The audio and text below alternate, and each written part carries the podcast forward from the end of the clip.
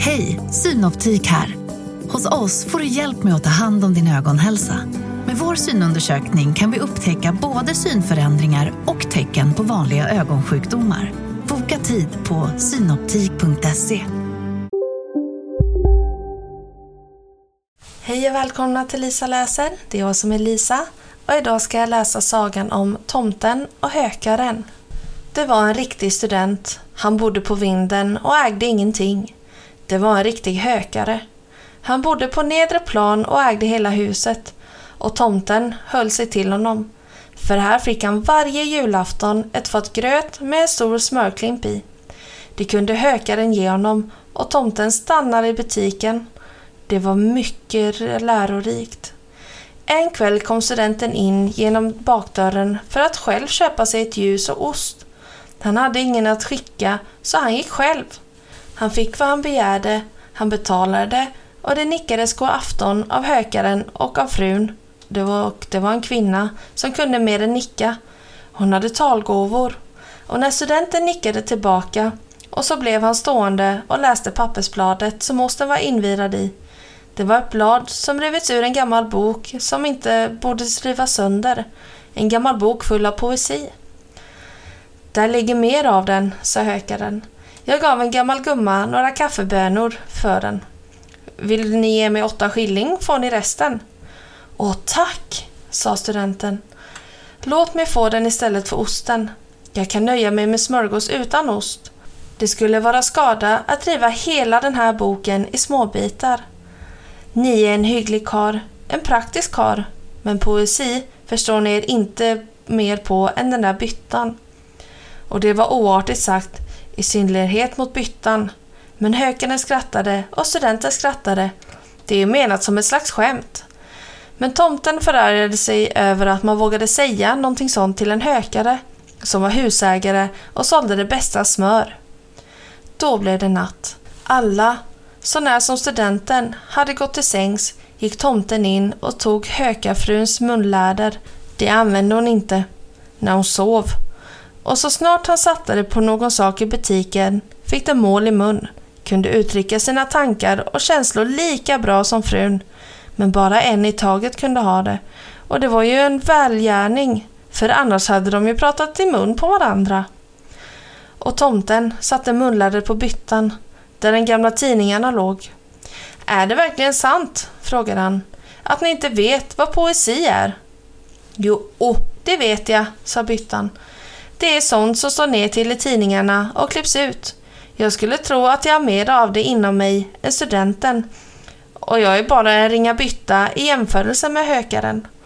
Och tomten satte munlädret på kaffekvarnen. Åh, vad den gick! Och han satte den på smörfjärdingen och kassalådan. Alla var de av samma mening som byttan. Och vad de flesta är eniga om, det måste man respektera. Nu ska studenten få och så gick tomten mycket försiktigt upp på kökstrappan till vinden där studenten bodde. Det var ljust och tänt där inne och tomten kikade in genom nyckelhålet och såg att studenten läste i den sönderrivna boken som han hade fått där nere. Men så ljust det var i rummet. Från boken gick det till en klar ljusstråle som blev till en stam till ett väldigt högt träd som reste sig så högt och bredde sina grenar långt ut över studenten. Varje blad var så friskt och varje blomma var ett vackert flickhuvud, några med ögon så mörka och strålande, andra så blå och förunderligt klara. Varje frukt var en strålande stjärna och så sjöng den klingande och så underbart vackert. Nej, någonting så härligt hade den lilla tomten aldrig tänkt sig. Mycket mindre sett och förnummit. Och så stod han kvar i tåspetsarna, kikade och kikade tills ljuset där inne släcktes.